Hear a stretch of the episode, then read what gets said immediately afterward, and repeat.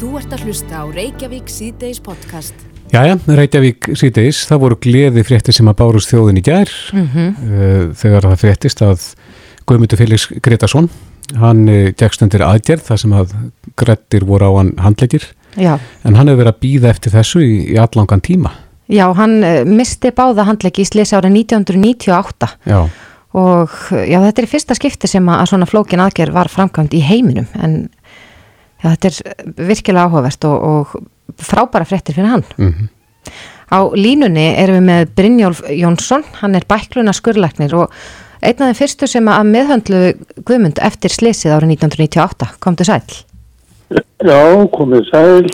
Já þetta, er, þetta er heilmikið verkefni sem að beið þessara skurlækna að, að græða á Guðmund nýja handleiki Já, það er nú alveg öruglega. Þetta er náttúrulega í þannig séð fyrir ofa minn skilninga. Þetta skulle vera bara yfirleitt mögulegt og fyrstalega náttúrulega láta sér þetta í hug og öðrulega gera þetta og, og framkvæma þetta og þetta er náttúrulega óskaplega flókið að það er náttúrulega bara ekki nokkuð leið að lýsa því. Hva, Hvað þarf að gerast til Já, þess það að þarf þetta virki? tengja, uh, Sínar, vöðva, bein og náttúrulega sérstaklega æðar og taugar ef þetta á að virka. Mhm. Taugakerfið verður að einhver tíman að komast uh, í lag til þetta verður einhver hreyfi uh, möguleiki og, og æðakerfið verður náttúrulega að vera í lægi, bæði bláæða og, og slagaðakerfið til þess að þetta geti mögulega virkað. Ef að þú hefur verið spurður að því árið 1998 hvort að, að, að þú sægir þessa framtíð fyrir þér eftir, já, nú liðin rúm 20 ár, hefur þú svarað því játandi? Já, þetta er náttúrulega erfitt að svara svona spurningu eftir á. Sko, ég er búin að upplifa náttúrulega gífurlega framkvæm, framfarið í læknisfræði á þessum tíma sem ég hef verið læknir, þannig að það er alltaf eitthvað nýtt að ske. Mhm. Og það sem að ég bara er að gera sjálfur á, hverjum degi, það var óhugsanlegt fyrir 40 árum síðan, þannig að það er alltaf framfarið, það er náttúrulega ekki vafa því Nei, og auðvitað, auðvitað kemur eitthvað nýtt, maður er alltaf búin að fretta því að 67 var þetta hjarta í sjúkling og, og svo framveg, þetta er alltaf að gerast eitthvað nýtt. mm En þetta er svona, þetta er náttúrulega eitthvað sem að er nánast óskiljanlegt og, fyrsti fasin er núna búið að gera þessa ættir og svo næsti fasi er náttúrulega ná sér eftir þetta og sjá til þess að vera ekki síkingar eða, eða ónæmis höfnun eða eitthvað slíkt og síðan er næsta skref náttúrulega að fá einhvern að fá einhverja funksjón í, þessu ágrættu limi, það verður náttúrulega það er náttúrulega skref sem er náttúrulega ó- óskaplega interessant eða, eða hvað er að segja Hefur- að fylgjast með já, hefur það, það er verið ára það er náttúrulega ára spursmann þetta er ekki spurning um einhverja daga eða mánu þetta er margra ára prósess að fá einhverja tauga til að fara uh, gróa saman og fara að virka aftur þannig að, Hefur þetta ekki Það verið er gert áður? hvað sér þau? Hefur svona aðgerð aldrei verið framkvæmt áður? Nei, það skils mér ekki, ég hef aldrei nokkuð tíma heistu það Nei. Þannig að menn það er svolítið líka að... ró- svakalega djart að ef að satt reynist að þetta sé gert báður megin, það finnst mér náttúrulega þessi báður handleggi grættir á það finnst mér náttúrulega bara vera meira átt að já, já, ég veit ekki hvað ég á að segja bara undur Já. En þjóðin hefur fylst með þessu ferðalagi Guðmundar í, í gegnum árin og, og lagt honum sitt lið en þú fjekst hann til meðhandlunar að það ekki bara strax í uppaði eftir að Jú. þetta slið stýrist. Já, Og hvað, hvað blasti við þér þá? það blasti við mér náttúrulega bara uh, eins og stundum eftir slið en þetta var náttúrulega með því verða Uh, það, já, náttúrulega blasti við mér að þarna varum eitthvað mjög, mjög óvennlegt og mjög alvarlegt að ræða. Það var náttúrulega ekki vafa því strax. Mm og það er náttúrulega Var ljóst strax í uppaði að, að hann myndi missa? ekki maður neina reynslu af svona þannig að það er ekki hægt að Nei. undirbúa sér neitt þannig séð Mm en sem verandi slýsa lækni þá er maður kannski undirbúin alltaf fyrir allt en ég en, og svo, svo eru hörmungar náttúrulega líka og það, það, það var bara þannig á, á þessum degi 12. janúar 1998 Já, þú maðurst þetta bara eins og gestaði í gær. Já, já, já. Já. En er það, er það eðlilegt eða svona, nú þekki ég ekki hvernig það er í læknavísundunum en er það eðlilegt að, að, að útlimir séu, það séu gjafa útlimir? Við þekkjum þetta með líffæri? Ég verð að segja það að ég hef hýrt um það með, með þumal og, og vísifingur og, og, og frama við úlið og frama við og framhandleg en ég hef ekki hýrt um neitt svona, nei. Nei. Nei. Akkurat. Það getur ekki verið algengt, nei. En það er, sem sagt, já, næsta verkefni það er að sjá bara hvort að, í fyrsta lagi hvort að líkaminn samþykki þessa útlimi sem að voru grættir á. Já, það er, það er náttúrulega, eins og eftir alla stóra skurðaðgerði, það er náttúrulega síkingar og síðan er náttúrulega hvernig blóðflæði flæði virkar í, í þessu nýja ágrættu limi og síðan er það sem að náttúrulega mest spennandi, það er hvernig taugakerfið hérna virkar. Mm Er til einhver tölfræði að baki þessu, svona líkur á því að, að, að þetta muni já, bara ganga eins og vel og allir vona? Nei, ég, jú það getur vel, ég, ég þekki hann alls ekki, sko, ég getur alveg sagt það. Ef eitthvað hefur aldrei verið gert þá þá er ekki til einn tölfræði, það er náttúrulega að segja sjálf. Já. Brynjólfur Jónsson, bæklunar skurleiknir, kærar þakki fyrir þetta og góða helgi. Takk fyrir sömulegis, bless, bless. Þú ert að hlusta á Reykjavík C-Days podcast. Reykjavík síðdeis, e, það hefur verið kallað eftir og síðast í gær á e, fundi almannavarna, það var yfir lauruglu þjóttn hjá e, landamæradeild lauruglunar í Keflavík eða Keflavík flugvöldi sem að kallaði eftir aðgerðum og stýrar í lagaheimildum þegar það kemur að því að, að vísa fólki frá til dæmis sem að grunuleikur á eða vilji ekki gangast undir sótvarnar reglur hér á Íslandi. Akkurat, ríkistjórnin fundaði í morgun og úr þeim fundið eftir að fundur nátti sér stað að þá tilkynnti Svandi Svæðarstóttir helbriðis á þeirra að ja, tvöföld skemun á landamærum verði gerð að skildu frá með deginum í dag en Svandi Svæðarstóttir er á línni, komdu sæl. Hvað þýðir þetta? Þetta þýðir í raun og veru að, að hér eftir er uh, öllum skilt að und- undirgangast tvöfaldaskimun á landabærum og það er ekki lengur val um það að fara annarkort í skimun eða 14 dagar sótkví eins og verið hefur. En, en ef að fólk er komið hingað og vill ekki fara í stímun? Það er eiginlega bara mjög góð spurning. Uh, ef að uh, um það er að ræða þá gerum við ráð fyrir því að það verða að skoða bara hvert mál fyrir sig og, og eins og hægt er og algjörlega í lengstu lög að leitast við að leysa mál með öðrum hætti uh, og, og beita fortölum og, og, og reyna að finna út úr því með öðrum hætti. Þetta hefur verið uh, tiltölulega sjálfgæft, það er að segja að fólk hafi frekar valið sótti heldur en heldur um skimun í hinga til, en þó eru bröða því að það hafa orðið brot á uh, þessari sótkví og þess vegna höfum við þurft að bregðast uh, við með þessum hætti Mm uh, og sérstaklega náttúrulega með því svona því að, að hérna, það er aukin hætta vegna, þessara, vegna þessa nýja afbreyðis. En verður það ekki líka ljóst fyrir, Svandís, hvaða, til hvaða bræða má taka ef að fólk neytar þessu? Að, að það séu þá eitthvað heimildi til þess að bræðast við því? Já, það, það sem að segir í sóttanarlögunum núgildandi er að, eh, er að það segir að hægt sé að leita aðstóðar laurugluvalda vegna aðgerða til varna smiti og að njóta aðstóðar laurugluvalda með þarf og svo framvegs er orðalagi sem er í núgildandi lögum. En það sem að er síðan í uh, frumvarpi til sóttanarlaga sem að er fyrir þinginu eru uh, ennþá skýrari heimildir sem að lúta að því þá að, að uh, vísa fólki frá eða vísa því í, í farsóttarhús. Mhm. En þá hlýtur að teljast breyta að, að afgreða þetta frumvarp úr þinginu til Það þess er, að, það er alveg jafn brýtt eftir sem áður en það er eins og þannig að, að uh, í ljósi þess í raun og veru að, að það er mjög rík skilda á heilbriðisviðvöldum þegar að uh, þegar að er orðin svona brýn eins og núna er uh, að bregðast við með einhverjum hætti og, og ég taldi einfallega ekki annað uh, hægt í stöðunni heldur en að setja þessa reglugerð og láta hann taka gildi strax í dag. Mm. Þórólfur hefur reynda líka að kalla eftir því að það verði farið fram á þriðju stimununa, þar að segja að fólk framvísi neikvæðu vottorðu þegar það kemur til landsins. Kom það ekki til greina?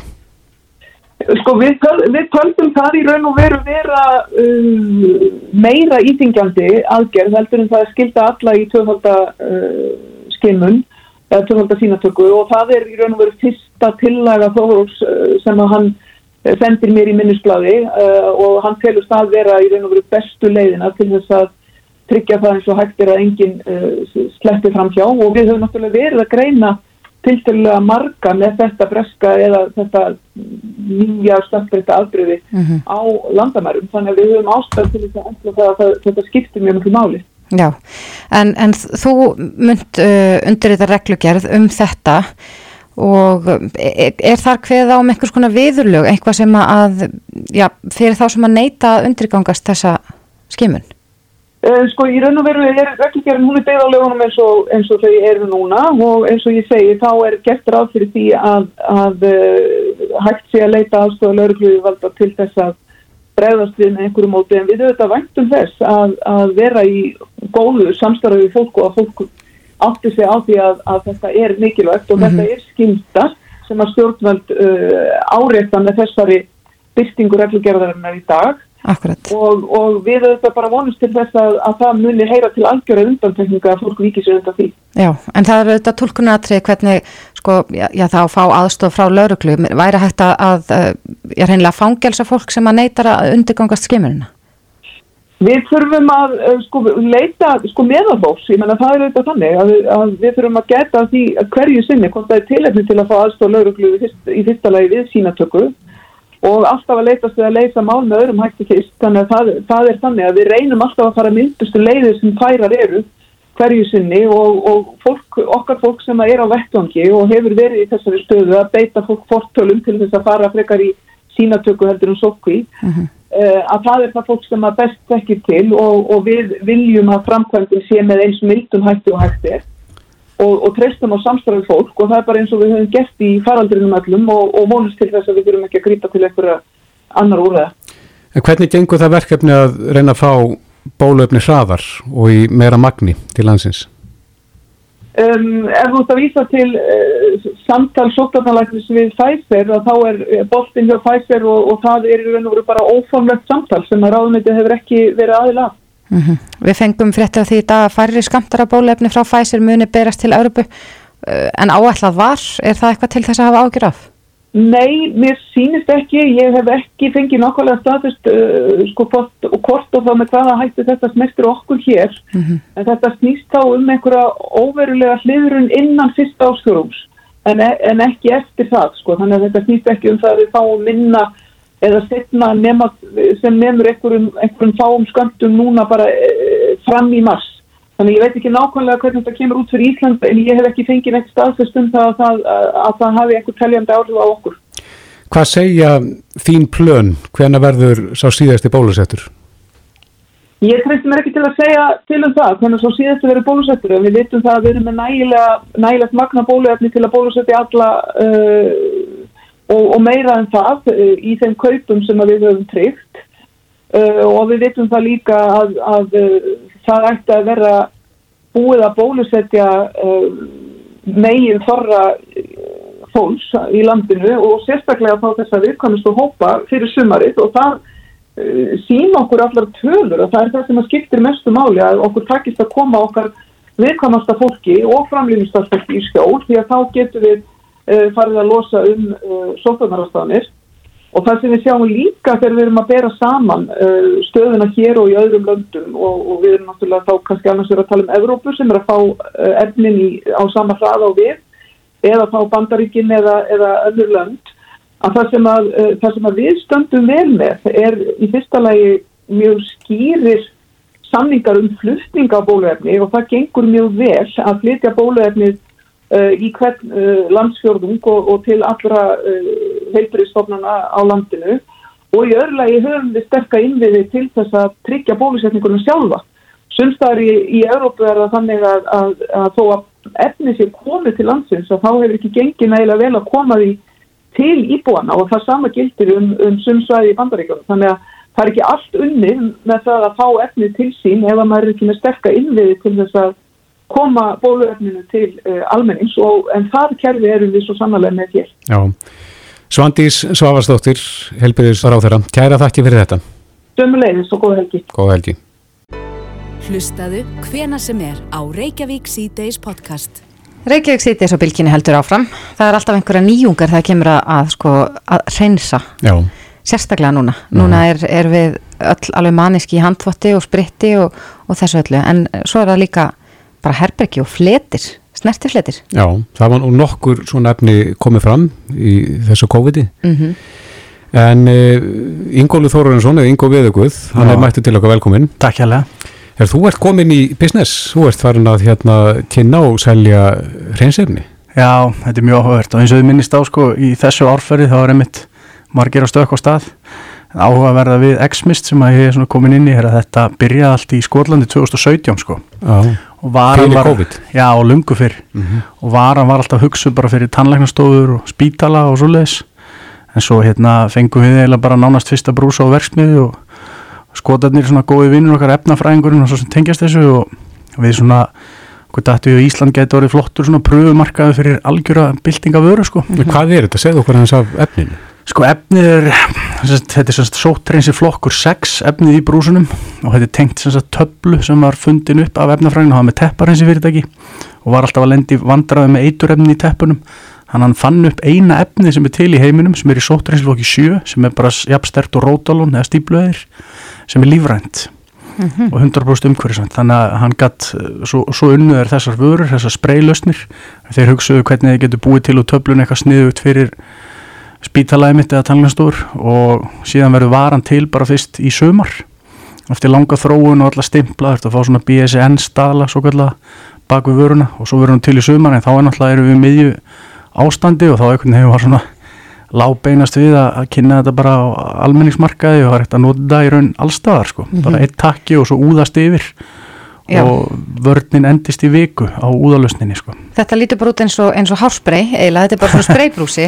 Já, og þetta á að drepa, já, drepur bæði síkla já, og veirur og... síkla, bakteríu, veirur, gerla, sveppi allt saman, ræðist á þetta allt í lofti bæði á lofti og í yfirbúrslutum En hvað gerur við brúsan? Stilur hann bara eftir og hann tæmir sér sjálfur eða við þetta ganga með hann og... við erum með þrjár vörur sem sagt þrjá, þrjá brúsa, eitt brúsin er bara svona sótt, eh, sótt reynsi úði Mhm. sem getur úða á vonda lykt og ofin í ruslatunnur og á hendur mjög góð handvörn, hún endist út daginn. Hún byrjar ekki að smita frá þér um leið og leggur hendur annars þar en svo er, erum við með bílasprey sem þú setur bara eitt sprey inn í bílinn í der á takkan og það mistast allur bílinn og hann hefur verið að virka betur en annars og margir hafa sagt okkur sem hafa reynsli í þeim bransa, hann hefur gjör eitt lyktinni að því þetta eru lífræn efni sem að ráðast á önnu lífræn efni og drepa gerlan á það sem veldur lyktinni.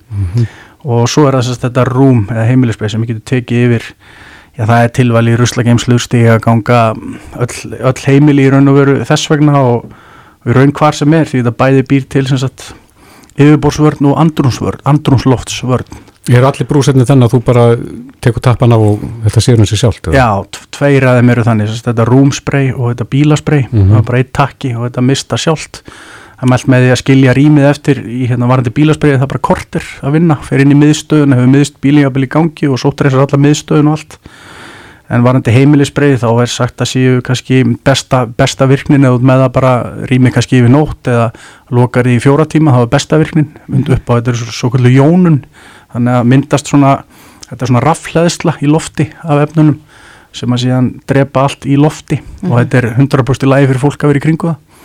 Að þó sé sterk sóttreinsun og svo er þetta bara þessi spray úði sem er svona góður að hafa með sér og að góða við hann versus sem hefur verið nota áður er að þú mátt spraya því bara á fartöluna og síman og og hann er ruslafötuna á leikföngin eða handföng eða stýri eða hvar sem er sko. Og veldur Já. ekki klístri eða handþurk það er líka að góða sko Nei, það hafa komið fram hinnar þessar vörur í tengslu við COVID og, og þá Já. hafa alltaf einhverjir sérfræðingar, læknar og aðrir svona stíði fram og, og haft ekki mikla trú á vörunum. Hvernig er það Já. með X-Mist? Við erum alltaf til að nýfarnar á staðin, við erum öll gögn og rannsóknir baki vöruna Mm og höfum látið efnafræðinga skoða vöruna sem að staðfesta bara það sem ég er að segja en við höfum ekkert verið einbytt okkur að ástandinu, COVID ástandinu en starrindin er að þetta býr til vörd bæð á yfirbórslutum og andrúslofti en við höfum ekkert verið að einblýna á þetta vegna þess að varan er mjög góð ein og sér eins og hún var hönnuð fyrir þau tækifæri. Þannig að við erum ekki að þrýsta á neitt að gera eitt neitt í tengslum við það. En vinnur hún á svona veirum? Já, líka. Öll eins og, og- og kórunu? Já, öll gögn og rannsóknir sína það sko. Mhm. þannig að það svona býr til, já, þess að loft og yfirbórsvörn Og hvar fæst síðan þetta spray? Þetta er náttúrulega því að við erum til dæla ný farin á stað, hópurinn sem er á baku þetta en þetta fæst í dag er, er verið að dreifja sér alla krónuveslanir og N1 veslanir svo er þetta í öllum minni búðum eins og við byrjuðum á að tala bara við svona aðeins minni veslanir, lega þeim við byrjuðum á að lega fólki að prófa Mm -hmm. og tala síðan við svona minni veslanir til að bjóða þeim um borðsnemma og hérna svo eru bara allar stærstu veslanir að taka þetta inn og, og hérna komið svo í fulla dreifingu Finnir þið að það sé eftirspurn eftir svona vöru? Sko já, náttúrulega eins og, eins og þú segir með, með ástandi og það allt, það er náttúrulega svolítið, þetta er eiginlega allt svona jafn ótrúið og líka fyrir mig að því að vinnu minn bauð mér í þetta um leið og hann kynntist þessum brúsa, nánast nýkonum og versmiðu en þá gæti ég hjálpa svona til með að búið til tengingar þegar maður þekkir allavega í gegnum tónlistina. Mm -hmm. og hérna og svo hefur maður bara orðið alveg heitlaður af þessu og séð svona hvert það geti farið eins og staðan er. En við höfum ekki verið að þrýst þessu eitt í neitt sko því það er bara eitthvað sem við viljum ekki gera við viljum frekar að fólk virkilega trúi þessu þegar það notar og það er kannski frekar þannig sem við höfum gert þetta við höfum leift fólki bara sjálfu að prófa Mhm. og það hefur fundið áhrifin sérstaklega vanandi náttúrulega þess að miklu gró í lofti sem þetta dreifur líka sem hefur reynst rosalega sniðugt Mhm. og svona einföld handtæglust við ýmsum vandamálum sko. þannig að þetta er bara svona ja, hálgert töfraefni en, en við höfum leift kláru fólki að sko, miklu klárar ég í efnafræði og það Já. hefur bara bakkað þetta upp sko. Þú spreyjar efninu, segjum það bara inn í herbyrgi, hvað endist súvörd lengi? sko ef þú notar spreyið sem heitir rúm þá ítar á eitt takka, það kemur mistur úr og skilur rýmið eftir kannski í lámar klukkutíma er mælt með og þá er það viku vörn á yfirbúrslutum og loftvörn. Rétt eins og lókin, Ingo, að því að áður við missum þig, Já, þú ert með gig í kvöld. ég er mikið á, gigi kvöld, það er alltaf já skemmtilegt sko, maður er ennþá Á í Stöð því tvö. sko, fullu, já, Já. Það voru rosalega góða viðtöku við fyrri þáttaröðin eða má, segja það þannig fyrri giggin þannig að þeir eru að fara að stað aftur. Já, við erum að fara að staða áttur á fullu og það er, um, það er svona smá pressa að gera aðra seríu sem að Mhm. heldur í við hinna en fyrsti þátturinn var já, mínum að mér fundist sko, mínum að þið fannst mér svona dífu þátturinn flottastur sem var með þessum öllum stórkostlegu söngunum Það var frábær. já, ég hafði mjög gaman á honum því þá gæti ég líka bara að halla mér aftur og hlusta á það að syngja Mhm. þessi er svona, í, í kvöld er svona öðruvísi að mínum að þið stórkostlega skemmtilegu vegna þess að ég var búin að segja lengi, ég var með sveppa vinn minn. Var búin að segja, fáum sveppa og það hefði nú ekki margir trú á því hann í framlýslinni sko, að hann myndi geta sungið. En hann var og hann smita svo góðri gleði á alla hina. Þannig að hann var hann á Beggi Soldök sem er stór skemmtilegur og Íris Holm sönguna, frábær sönguna og svo Bjössi Stefán sem var nú áður Bjössi í mínus, hann sagðist nú að droppa kúlinu og kom í þáttinn sko. En við hendum honum aðeins á trommusettið og gerðum alls konar, þannig að það var bara algjört partí. Og það og áhugaverð er að verðskeind að lindamál þetta sé alveg í beinni útsendingu þetta er það nú ekki en, en hérna en hérna það áhuga að vera þennan þátt að þeir eiga að vera 40 mínútur en við tókum upp held ég 70 mínútur á þessu því við bara gátum ekki hætt og erum svo miklu stuði sko alltaf farið í næsta og næsta þannig að þetta verður svona klift það besta sem gerðist þannig að þegar þessi hópu var komið saman að þetta var ríkala gaman sko, flott Já. lög og skemmtilegt sko. Við hlökkum til að horfa 18.55 í kvöld akkurat. á stöðu 2. Stöð 2, Ingo, takk fyrir komina. takk fyrir mig Reykjavík síðdeis á bylginni. Reykjavík sýttis á bylgjunni við rættum hér aðan við Svandísi Svavarsdóttur heilbyrðisráð en ríkistjórnin fundaði í morgun Mhm. og þar voru aðgerðir á, á landamærum rættar eitt af því sem kom upp úr þeim fundi var að uh, Katrín Jakobsdóttir fórsetisráð þeirra segir að frá með fyrsta mæ verði tekið upp svona litakóðunar kerfi á landamærum Já, sem að, er sem, já, fyrir ekki sem að breytir þá ski- skimunarmálum, Mhm. hvernig þeim verður háttað. En um, það kom líka fram í máli Þóról Skuðnarssonar sóttarnalæknis að hann fór fram á að í raunin að þriðja skimunin færi fram Mhm. svona lagði það til áður en að þessi ákvörðum var tekin í morgun að fólk myndi þá þurfa að framvísa neikvæðu vottorði áður en það kemur til Akkurat. og ganga síðan undir tvöfaldastimun hér. En það væri þetta óskandi og það, fólk hefur kallað eftir því að það sé samræmt jafnvel bara á milli landa hvernig hlutunum er háttað. Já. En nú hafa alþjóða samtök flugvalla held ég alveg örglega uh, hafið undirbúninga að sérstöku, sérstökum helsu passa, Mhm. svona alþjóða helsu passa fyrir þá sem er að ferðast á milli landa. Bói Níls Bóasson, fórstjóri Æslandi er, er á línunni, komdu sæl. Komið sæl. Já, þetta kemur það vantilega í ykkar hlut að þurfa að, að vera með í þessu málum. Já, eins hér eftir svinga til í þessu ástandi þá munum við eiga í góðu samstarfi við stjórnvöld um útfæslu á, á reglum og hérna en þetta var náttúrulega bara að koma núna áðan fyrir komulagi frá og með fyrsta mæ Mm það sem þetta litakona kerfi það tekur gildi þá, nákvæm útværsla hefur ekki allan verið kynnt okkur, þeir eru eftirlega í vinslu en hérna, við lítum bara jákvæðum augum á þetta, nú er komið smá ákveðin fyrir sjáanleiki í þetta sem að við og aðrir ferðarþjónustu aðeinar geta kunni með. Akkurat. Uh, Samkvæmt þessu litakóðuna kerfi geta þá einstaklingar sem eru að koma frá grænum og appelsínu gulum löndum uh, geta þau mætt með neikvægt svona PCR-próf og farið svo í eina skimun í stað tvekja. Mun það koma í ykkar hlut heldur að, að taka við þessum vottorðum eða þessum neikvæðu PCR-prófum? Það liggur ekki alveg fyrir allan hefur við ekki uppsyngat það hvort að farþegar verið að sína áður en fórum borðið vel eða en eins og við skiljum þetta þá verður það að geta sínt að þeir koma að landamærum hér að þeir séu með uh, neikvægt próf sem er ekki eldra enn 48 tíma gamalt og taka þá annað próf þar og þá niðurstöðuna mjög fljóðlega og geta þá ef allt kemur vel út geta þá komið inn í landi mm -hmm. Telur þú að þetta fyrirkomulega eins og þetta er kynnt núna að þetta komið til með að auka ferðalög fólks eða, eða draga úr? Hver heldur að áhrifin verði? Já, með breytingin sem að þetta stöðlar að út á stöðunum sem er mér núna, þá mun þetta klárlega auka ferðavilja því að fólk er ekki að fara í test hérna eða próf og svo fimm daga sótkví og annar próf. Nú getur fólk komið með prófur heimalandinu neikvægt og tekið svo annar próf hér og veit svo og getur, er svo bara fyrir allt ferða sem eftir nokkra klukkutíma. Þannig að þetta mun klárlega okkar matu auka ferðavilja. Mm -hmm. en, en heldur þetta sé nóg til þess að vera nægilega mikil innspýting fyrir ferðarþjónustuna hér á landi fyrir komandi sömar? Eins og ég segði á þann þá er mjög gott að fá okkur fyrir sjáanleika í þetta en það sem er náttúrulega líki latur í þessu er þróun faraldstur sinns á öllum okkar marka svæðum ástandi verður náttúrulega að lagast. Það er, þetta snýst fyrst og fremst og það. En það er mjög gott fyrir okkur og aðra ferðarþjónustu aðla að hafa þessa mynd fyrir framann okkur núna og geta þá unni með hann og kýtt okkar samstagsvæðlum út á okkar mörgu hvernig fyrirkomlaði verður hér. Já. og eins og við horfum á þetta og við gerum áfyrir því að svona er þetta í, í vestafalli þetta verður hugsanlega endur skoða til er yngunar eða ástandið lagast á mörgunum og á þeim löndu sem við viljum fá ferðamannina frá mm -hmm. og uh, það er að vera því hvað að segja, menn þetta bara vatna ekki hann í frá. Bói, hvað gera ykkar plön ráð fyrir núna næstu mánu? Hvenar haldið að þetta fara að taka við sér? Já, við erum að við miður að, að fljúa mjög lítið þessa dagana og, og við sjáum að ástandið er ekki gott inn í kringum okkur og við erum að halda upp í tengingu við okkar helstu markasvæði, Kvöpmanhöfn, Amsterdam, London og Boston, svo 12 flug á vik og meðaltali þannig verður það vantilega eitthvað áfram en, en við vonumst eftir því og regnum með því að gangsetja leiðakerfið okkar í öðrum ásjörðingi og þessar breytingar sem voru kynntar í morgun svona stiðja þær fyrir áhugnum okkar mm -hmm.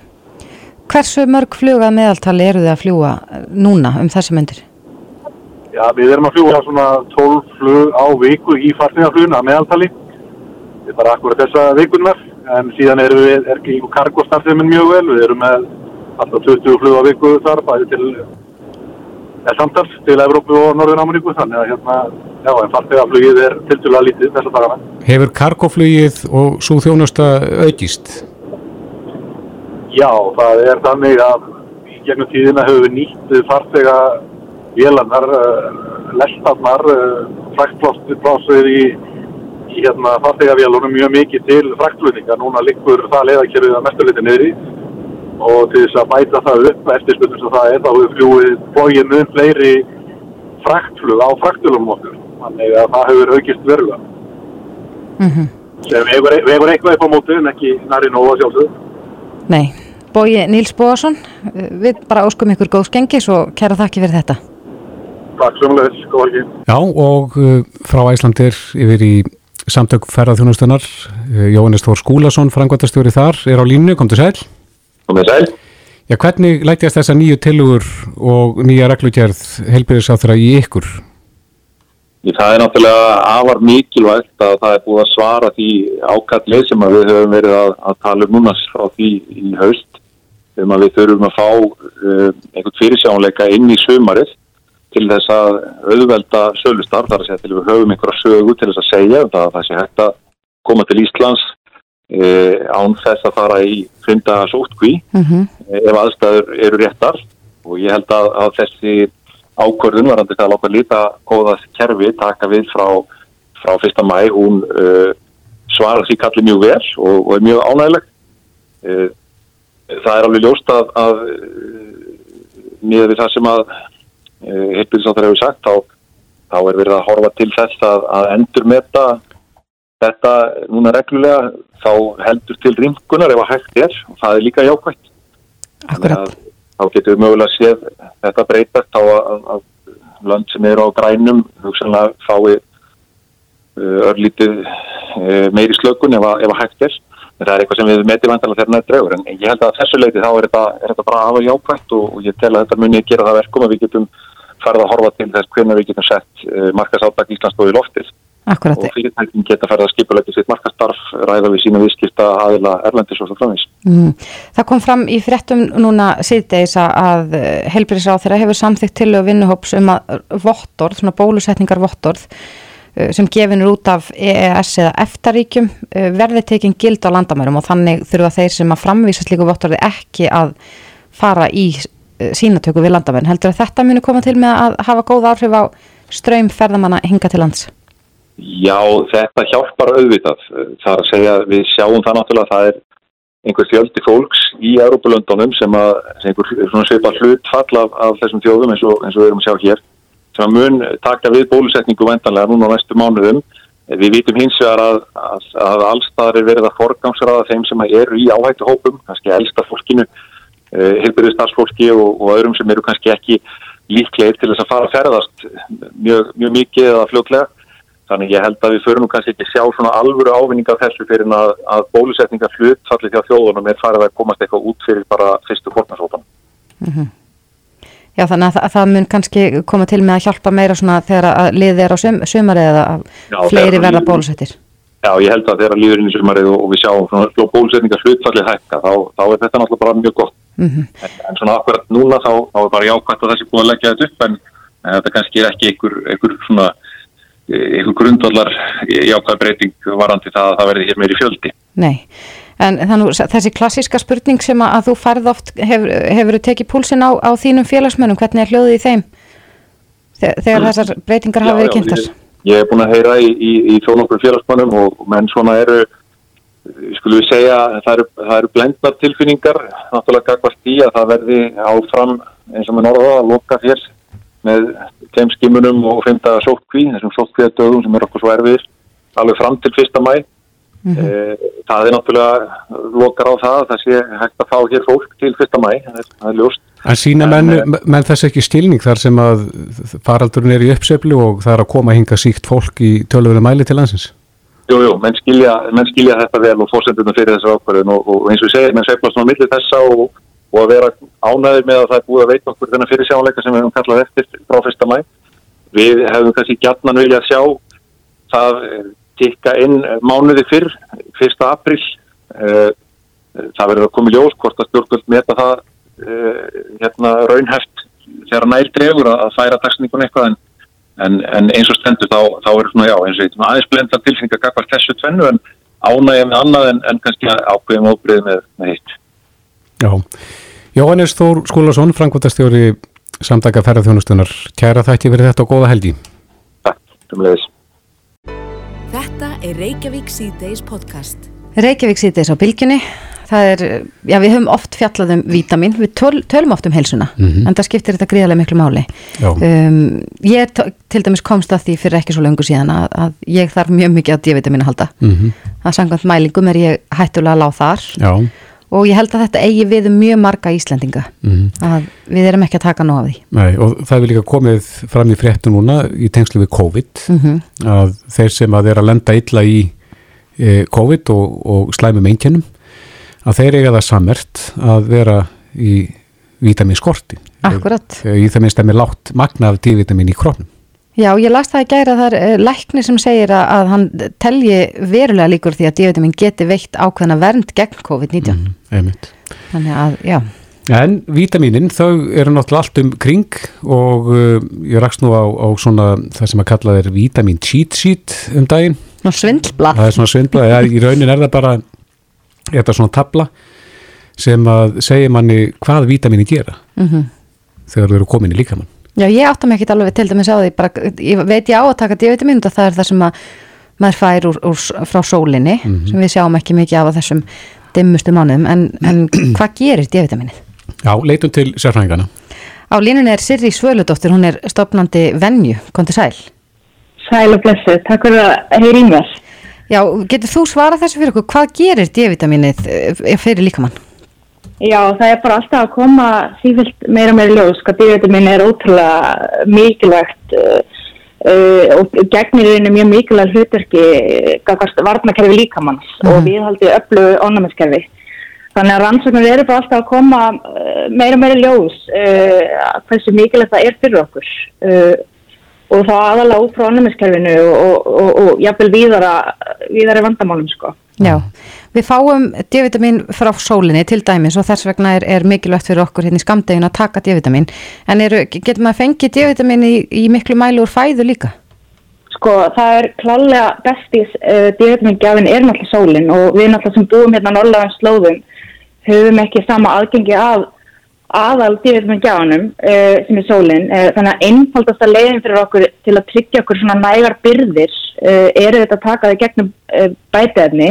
Hins vegar er, eru góðir D-vitamingjafar líka í formi í gegnum fæðuna, til dæmis með eggjum og, og með með feitum fiski og jafnvel sveppum. Uh, en þetta er kannski erfitt að greina og kannski ná þessum háa skamti sem við kannski þurfum að tryggja okkur af því að við höfum svo lítið aðgengi á sólinni. Þannig að ég held að þetta sé alltaf sambland og þetta er alltaf besta leiðin til að nálgast næringarefni. Það er í gegnum mat, klálega. Þannig að það er klálega grunnur, mikilvæg grunnur. Aðeins varandi D-vitaminu, þe- þetta styrkir það ekki beinin og, og tennur.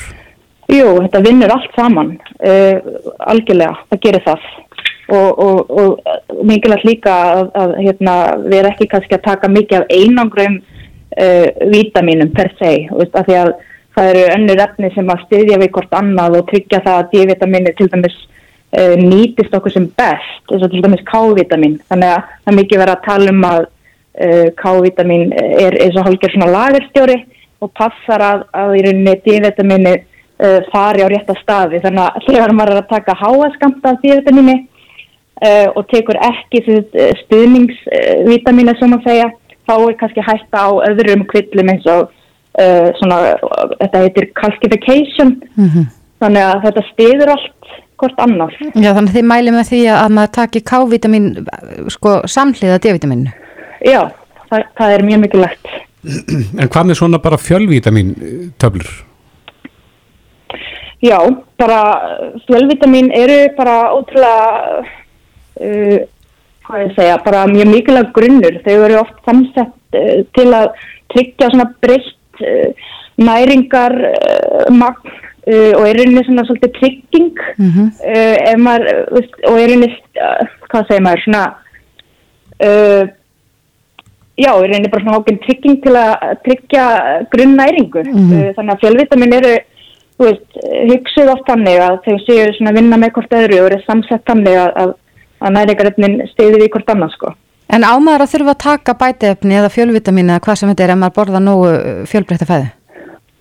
Já, góð spurning. Uh, sko, það er eiginlega akkurat svolítið viðfangsefni okkar rakelar uh, sem svolítið baku venju. Uh, en í grunninn er kannski vandamálið svolítið það að bætiefni markaðurinn er svolítið uh, uh, þannig að, hann byggir svolítið á að fólk veit ekki hvaða bætiefni það gæti gagnast þeim. Uh, og fólk er svolítið erfitt með að greina hvað eru áræðanar upplýsingar uh, og lenskan svolítið í bætiefni markaðunum er svolítið það að, að eitt gildi fyrir alla. Þannig að allir eiga að taka þetta bætiefni uh, og svo er þetta heilmikil tíska líka í þessum heimi uh, sem flækir þetta svolítið svona skilabóðin til neytunda. Þannig að það stendur að svona framið fyrir því að að þurfa að greiða úr ótrúlega mörgum floknum upplýsingum uh, og ákvæmski svolítið erfitt með að átta sig á hver þörfin þeirra er. Uh, en flestir eru sammála um að, að við þurfum á bætaðnum að halda eitthvað tíman á lífsleginni og það með tali líka heilbrið starfsmenn, hvort sem þess að læknar eða ljósmaður uh, eða hjúgrafæðingar en neytendur er í rauninni er ekki gert að auðvelt að greiði gegnum þennan flokna frumskók mm -hmm. sem að bæta þetta markarinn er þannig að hérna, það er flókið í rauninni fyrir neytendur að velja rétti bætaefnin sem að það sem geti gagnast þeim. Já, snúm okkur aðeins á öðrum vítaminum eh, sérstaklega á flensutímum að þá er talað um að það sé gott að taka inn C-vitamin fyrir ónæmistjörfið. Akkurat uh, já, sko besta leiðin til að nálgast næringarefni eins og til dæmis C-vitamin, það eru þetta bara gegnum mat það er mjög auðvelt að tikka sér uh, C-vitamin bara með appi sínu mm -hmm. þannig að ég, sko, það eru þetta best, besti grunnurinn, það er að tryggja grunnnæringu gegn uh, fjölbreytt mataræði og heilbræða lífstil. En svo er, kannski, en svo er mismunandi hvað, hvað, hvaða skamta, eða skamtum er mælt með. Svo er mér að segja að það er að taka ofur skamta, svona ef fólk er fara að finna fyrir einhverjum hugsanlega flensuendinum að taka ofur skamta af sívitamíni. Það er kannski líka svolítið tengt þessum misisandi skilabóðum sem eru hann úti. Uh, það er unni ógjörningur fyrir hinn almenna neytinda að greiða úr þessum skilabóðum, hvað er rétt og hvað ekki, hvað, er, hvað, hvað, hvað segja rannsóknir, hvað segja uh, aðrir, veist, þetta er svo tískudrifið og það eru uh, bara hópur fólksininni að sjá um að fræða neytundur sem eru þetta bara varhugavert, þannig að það er, það er eitthvað sem við uh, ætlum að leysa í með, og er hugmyndan að baka venju, uh, það er okkur að gera þetta ferli miklu einfaldara. Mm -hmm innan fyrir fólk að velja. En já, þið ætlaði að ráðleika fólki hvernig það, hvaða bætið efna á að taka, en er eitthvað svona, er eitthvað grunnu sem að allir ættu að taka? Ég maður hefur oft heyrt um sko magnesium fyrir þá sem að eiga erðt með að festa svefni eða þá sem að æfa mikið. Ymmiðt, uh, eh, sko, mm, góð spurning. Um, sko við á Norrlands slóðum eigum náttúrulega það samilegt að geta ekki fengið uh, nægilegt djöfitamin þannig að kannski það er eina vítaminu per se sem við eigum öll að taka inn. Mm -hmm. hins vegar er bara staðindið svo að við erum bara mjög misjöfn og þurfum bara uh, mismundu hluti, við erum á mismundu lífskeiðum, uh, ófrísk kona þarf aðra hluti heldur en kona sem að er að standa fyrir, er að standa í breytingaskeiðinu og svo mhm. framvegis. Þannig að nei, við viljum eiginlega segja það að eitt gildir ekki fyrir alla. Já, þetta þarf að vera sérsnið. Akkurat, en já, þið ætlaði að sérsniða fyrir fólk sem að, að það getur eh, nálgast upplýsingar hjá ykkur. Rétt. Já, Sirri Svöldóttir, stopnandi venju, kæra þakki fyrir þetta. Semilegis, takk fyrir. Reykjavík síðdeis á Bilginni podcast.